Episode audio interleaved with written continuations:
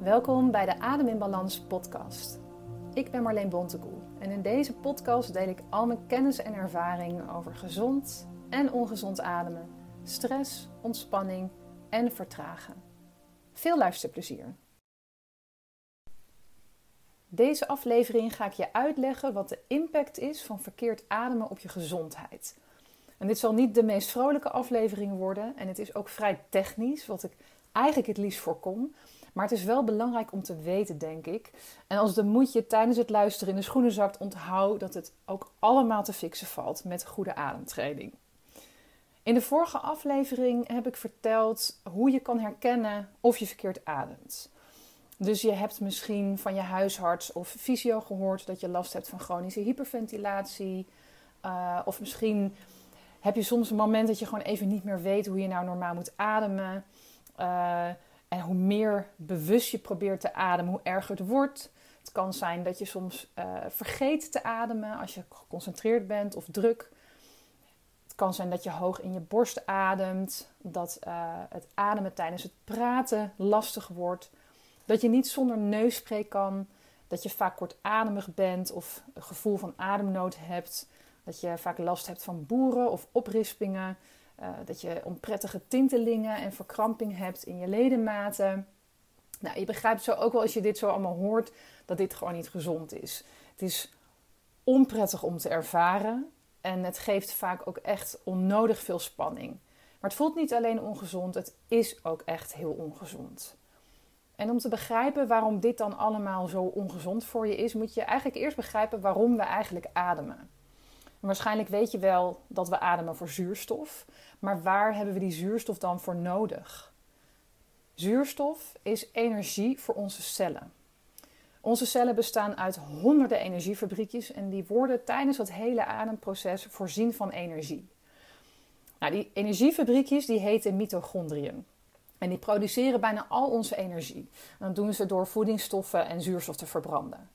Mitochondriën kunnen niet functioneren zonder zuurstof. Dus de organen die veel energie nodig hebben, die hebben dus ook het meeste lijden van een dysfunctionele ademhaling, wat uiteindelijk leidt tot zuurstoftekort in de organen. En de organen die het meeste energie verbruiken zijn bijvoorbeeld ons hart, ons brein, onze spieren. En om een beetje een idee te geven, een bevrucht eitje heeft echt 100.000 mitochondriën. Nou, als de mitochondriën niet genoeg zuurstof krijgen, dan verminderen ze langzaam in aantal en uiteindelijk kan dus zelfs die cel afsterven. Dus de mitochondriën in de cellen, dus die energiefabriekjes, kunnen niet zonder zuurstof. Nou, wat gaat er dan mis als je dysfunctioneel ademt? Ademen is echt super complex, maar wat belangrijk is om te weten is dat het eigenlijk een uitwisseling van gassen is. Dus je ademt zuurstof in en koolstofdioxide uit.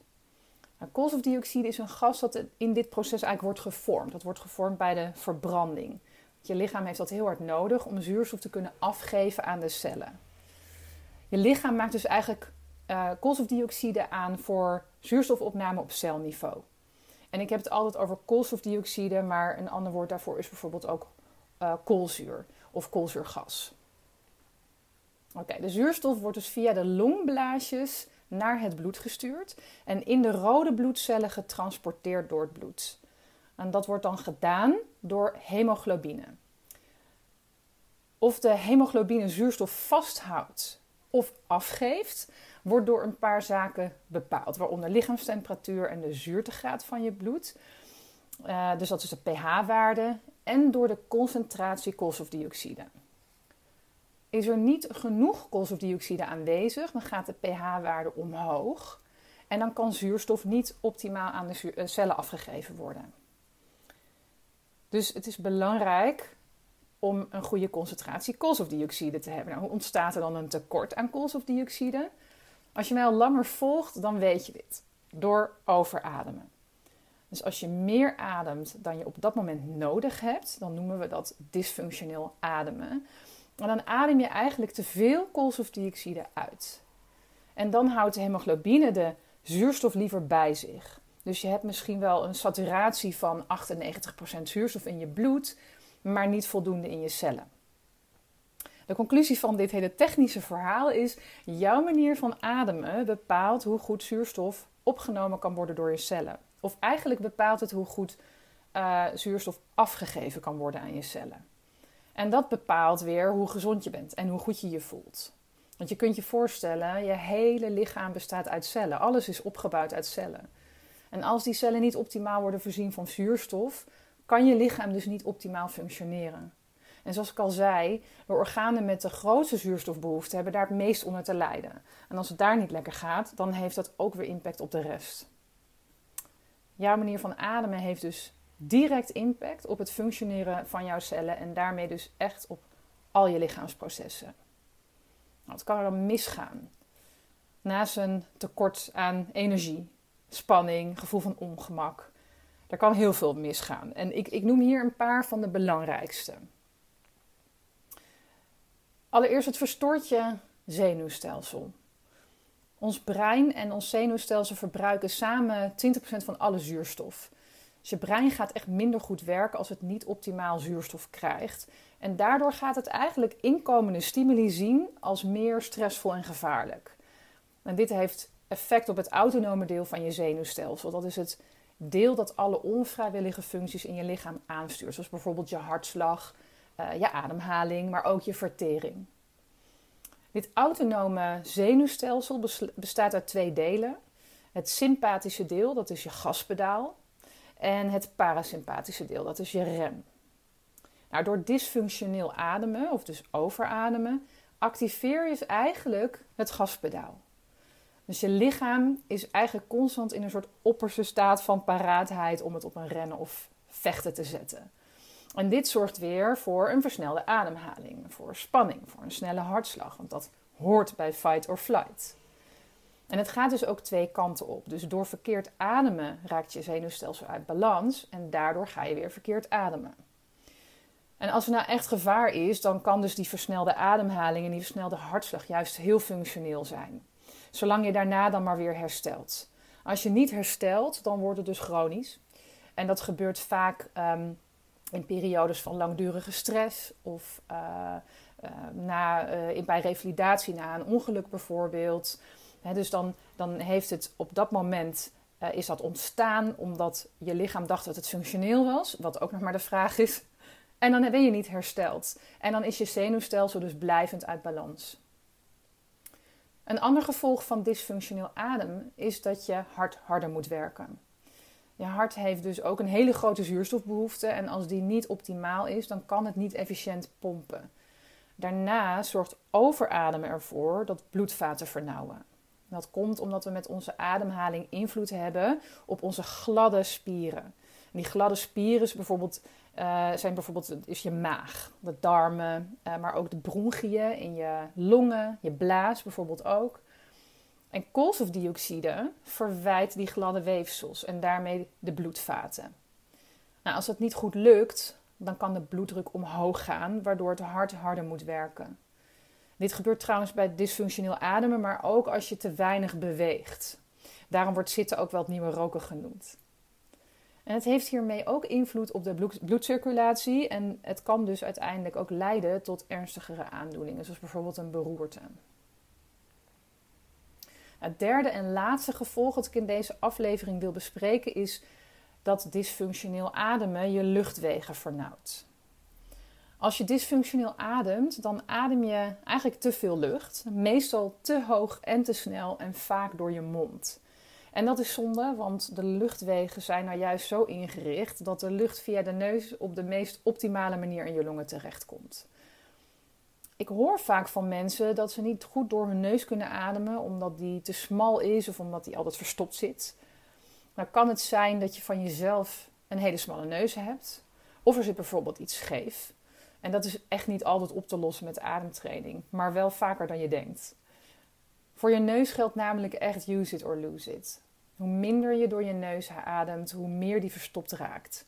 En het slijmvlies in je neus raakt eigenlijk geïrriteerd op het moment dat je dus te weinig door je neus ademt, waardoor het dik en ontstoken wordt. En daardoor kan je steeds minder goed door je neus ademen. Als je door je neus ademt, wordt de lucht namelijk vermengd met uh, stikstofoxide. Er zijn een heleboel voordelen van neusademen, maar wat ik nu even belangrijk vind om te vermelden is dus die stikstofoxide, die, eigenlijk, die alleen maar in je neus geproduceerd wordt. En dat heeft ook weer een heleboel gezondheidsvoordelen, waaronder dat het je bloedvaten kalmeert en uh, verwijt.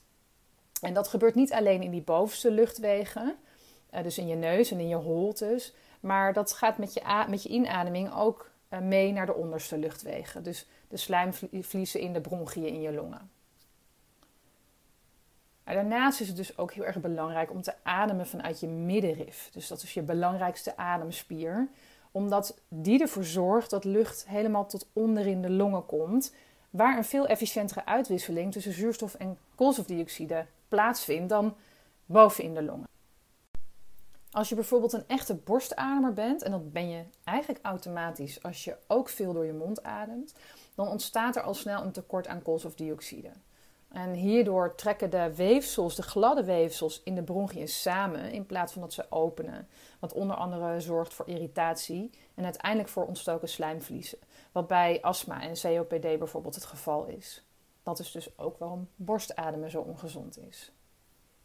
Ik zei net al dat sommige mensen van zichzelf nauwere luchtwegen hebben. En dan gaat het dus om de bovenste luchtwegen, dus de neus. We hebben natuurlijk allemaal een ander uiterlijk. En een smalle neus of een smalle kaak kan ook gewoon een familietrekje zijn. Maar wat heel goed is om te beseffen, vooral als je jonge kinderen hebt, is dat mondademen op jonge leeftijd zorgt voor een smaller gezicht en dus smalle uh, luchtwegen, vernauwde luchtwegen. Je herkent typische mondademers ook altijd aan een smalle kaak. En dat zie je meestal eerst aan de onderkaak, die dan een beetje naar achter staat. Nou, hoe komt dat dan? Dat heeft te maken met de positie van je tong. Je tong is namelijk een extreem sterke spier, dat beseffen we vaak niet. En die hoort tegen uh, je gehemelte aan te liggen, dus boven in je mond. En je hebt het niet door, maar je tong oefent dus daar heel veel druk uit op je kaak. Dus als je opgroeit, dan vormt je kaak zich dus om je tong heen. Nou, als je door je mond ademt, dan ligt je tong automatisch wat meer onder in je mond. En een beetje naar achter. Want als je, uh, je tong moet dus plaatsmaken eigenlijk voor de lucht die je in en uitademt. Daarom ligt hij daar onderin. En dat zorgt dus dat de kaak zich minder goed ontwikkelt. En dan ontstaat er een smallere kaak, zowel onder als boven. En dat is heel bepalend voor hoe je eruit ziet. En heel bepalend voor hoe makkelijk je door je neus kan ademen. Dus hoe, uh, hoe nauw of open die luchtwegen zijn. want die neus en je holte zitten achter je bovenkaak. Doordat je met uh, vernauwde luchtwegen met veel meer weerstand ademt, ga je ook weer compenseren door sneller te gaan ademen. Je ademgewoontes tijdens je jeugd zijn dus heel bepalend voor je kaakontwikkeling en die is dus weer heel bepalend voor je ademgewoontes, ook op latere leeftijd. Er zijn mensen die op latere leeftijd dat nog proberen te beïnvloeden. Er is een methode die heet mewing en daarbij duw je je tong tegen je gehemelte, wat ja, deels je kaak nog breder kan maken. Volgens mij is het een trend onder jongeren op Instagram. En mewing is uh, een, uh, de, de, achternaam van een orthodontist die deze methode eigenlijk ontdekt heeft. En er zijn heel veel tandartsen en orthodontisten die, die het belang van functioneel ademen onderschrijven, ook voor de gezondheid van, uh, van het gebit. Want je kunt je voorstellen, smalle kaak kan ook weer zorgen voor problemen met het gebit, omdat tanden en kiezen niet voldoende ruimte krijgen.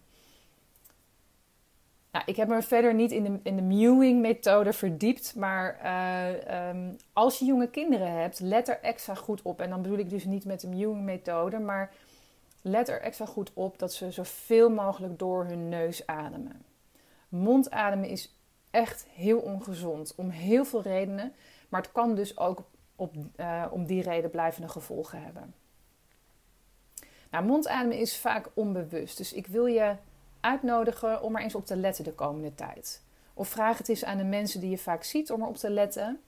En let ook eens op je middenrif en hoe vaak je hoog in je borst ademt. En ik ken heel veel mensen die um, vanuit hun beroep, omdat ze bijvoorbeeld yogadocent zijn, daar al best wel op letten. En op het moment dat ze dan mijn training gaan doen en uh, echt dagelijks met middenrif ademen gaan oefenen, dat ze dan toch merken dat ze daar enorm veel verbetering in maken.